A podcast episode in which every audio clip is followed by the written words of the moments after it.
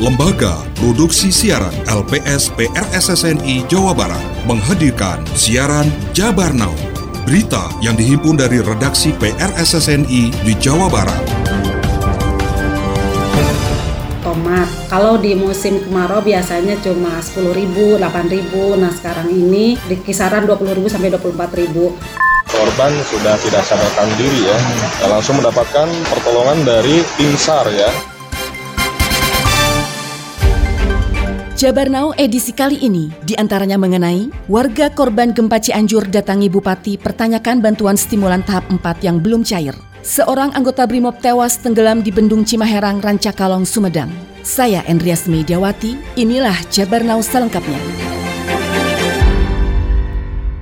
Aibda Hadianto, warga asrama Brimob Cikeruh Jatinangor Sumedang, seorang anggota Brimob Polda Jawa Barat meninggal dunia setelah terseret arus gorong-gorong Bendung Cimaherang, Desa Sukasirna Rasa, Kecamatan Rancakalong, Kabupaten Sumedang, Selasa 9 Januari 2024. Peristiwa terjadi saat korban yang merupakan penyelam dari anggota Brimo Polda Jabar tengah mencari titik jebolnya tanah disposal Bendung Cihamerang. Sejumlah petugas gabungan dari TNI dan Polri berupaya menyelamatkan korban yang tenggelam terseret arus gorong-gorong Bendung Cihamerang. Setelah berhasil mengeluarkan korban dari air, petugas berupaya memberi pertolongan pertama dengan memberikan napas buatan. Karena masih bernapas, korban pun dibawa ke RSUD Sumedang untuk mendapatkan penanganan medis. Namun, nyawa korban tidak tertolong. Kasih Humas Polres Sumedang, AKP Awang Munggar Dijaya mengatakan korban meninggal saat tengah melakukan penyelaman untuk mengetahui sumbatan di bendung disposal Cihamerang Tol Cisumdawu. Awalnya ada laporan di bekas disposal Tol Cisumdawu jebol mengakibatkan debit air di bendungan surut, sehingga saluran lama membuat tebing-tebing di sekitar disposal terkikis, mengancam perumahan warga di atasnya sehingga warga mengungsi. Menurut Awang, sekitar jam 2 siang, tim SAR Brimob Polda Jabar melakukan penyelaman dan Aibda Hadianto yang menyelam dengan peralatan lengkap. Setelah satu jam penyelaman dilakukan, tali yang terikat pada tubuh Aibda Hadianto seperti ditarik. Maka tim yang di atas menarik tali itu. Saat di atas, korban sudah tak sadarkan diri.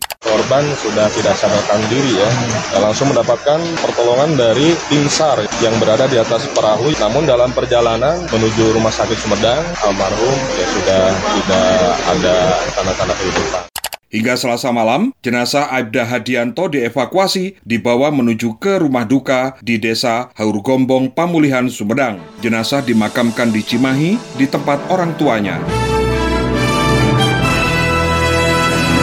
Supir truk tronton pada tabrakan maut yang menewaskan dua orang pengendara di Jalan Raya Cigudeg, Lewisadeng akhirnya diamankan petugas Satlantas Polres Bogor. Menurut Kasat Lantas AKP Rizky Guntama, pihaknya saat ini masih melakukan pemeriksaan terhadap sang supir yang menyebabkan tewasnya dua pengendara motor. Supir yang kemarin diberitakan lari sudah kami amankan. Sekarang sedang didalami untuk bagaimana mengetahui motifnya dan kronologis kecelakaan. Ya untuk sementara ini yang masih diperiksa dari drivernya biar kita tahu kronologisnya, tapi juga nanti pemeriksaan akan dilakukan pemeriksaan pada saksi-saksi. Apabila terbukti bersalah, pelaku dapat dijerat pasal 310 tentang lalu lintas angkutan dan jalan dengan ancaman kurungan maksimal 6 tahun penjara.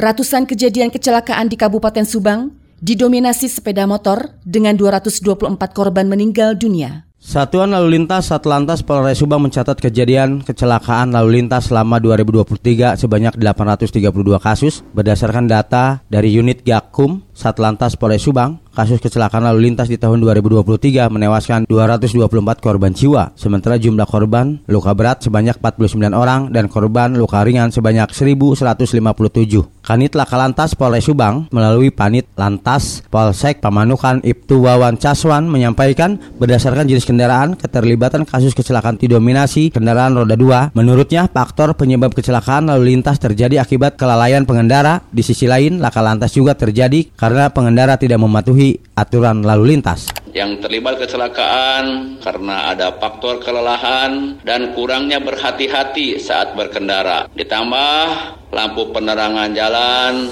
yang sangat minim. Tim Prabu Polrestabes Bandung mengamankan 27 anggota geng motor yang kerap membuat resah masyarakat. Empat di antaranya menjadi tersangka karena kedapatan membawa senjata tajam.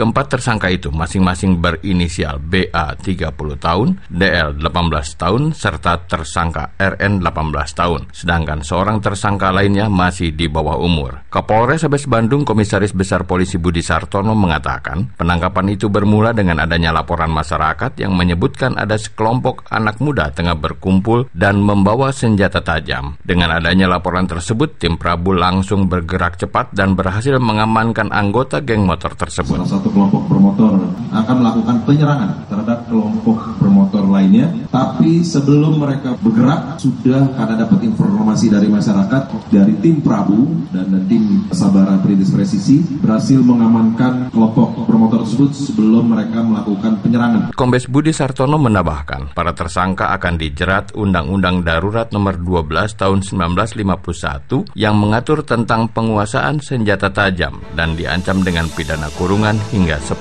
tahun.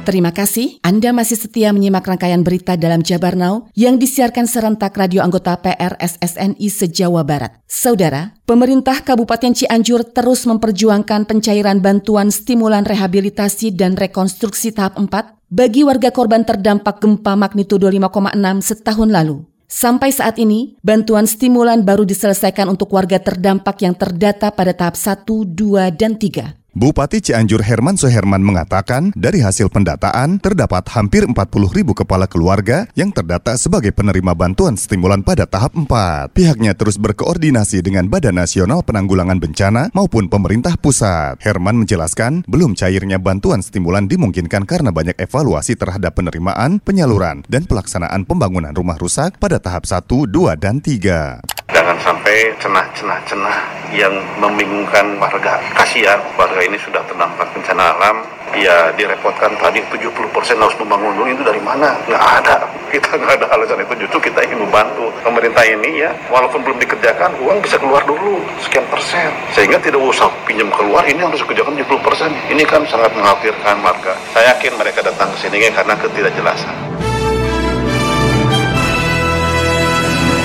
Seiring musim penghujan, pada sepekan lebih masuki 2024, mayoritas bahan pangan atau kebutuhan pokok masyarakat di pasar tradisional Kota Banjar masih mengalami kenaikan harga kebutuhan pokok masyarakat yang alami kenaikan harga di Kota Banjar di antaranya komoditas beras, sayuran seperti tomat, bawang merah, cabai rawit hijau termasuk daging ayam broiler yang harganya belum stabil. Menurut Kepala Dinas Koperasi Usaha Kecil Menengah dan Perdagangan KUKMP Kota Banjar Sri Sobariah, harga bahan kebutuhan pokok masyarakat khususnya sayuran sebenarnya cenderung stabil namun ada beberapa yang mengalami kenaikan harga. Menurut Sri, kendati ada kenaikan harga di beberapa komoditi, pasokan atau atau stok di kota Banjar masih mencukupi. Tomat kemarau biasanya cuma 10.000, 8.000. Nah, sekarang ini di kisaran 20.000 sampai 24.000. Bawang merah biasanya kalau di musim kemarau di harga 25.000 sampai 30.000. Nah, sekarang 40.000 lebih, ada yang sampai 42 sampai 45.000. Beras merangkak naik sedikit-sedikit 500 rupiah. Kenaikan harga beras yang terus merangkak naik dibenarkan salah seorang pedagang beras di Pasar Banjar, Ayu Wahid lidah. Menurut Ayu, harga yang terus merangkak berakibat stok beras di kiosnya berkurang atau sedikit. Tadinya 13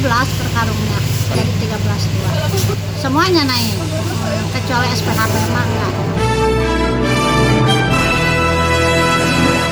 Pemerintah Kota Cirebon melalui Dinas Pendidikan akan memprioritaskan peningkatan sumber daya manusia (SDM) dan perbaikan infrastruktur pendidikan, terutama dorongan honorer agar bisa masuk rekrutmen pengadaan pegawai pemerintah dengan perjanjian kerja (PPPK).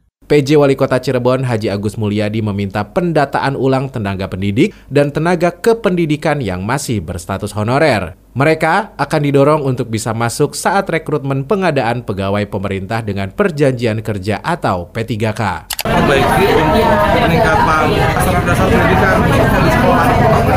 Sudah ada pemetaan sekitar 4 miliar lah yang mudah-mudahan bisa kita dorong. Sementara itu, Kadisdik Kota Cirebon Kadini menjelaskan 400 tenaga pendidik dan tenaga kependidikan di Kota Cirebon terdata sampai tahun 2023, sedangkan untuk infrastruktur yang harus diperbaiki pihaknya akan segera melakukan pendataan akan kami padukan untuk menyusun berapa sih kuota yang akan disusun sama dinas pendidikan. Jadi kita usulkan dulu 190, nah bulan sisanya nanti kami akan mengusulkan untuk tenaga kependidikan. Terima kasih. Anda telah menyimak siaran berita Jabar Now yang diproduksi oleh Lembaga Produksi Siaran LPS PRSSNI Jawa Barat.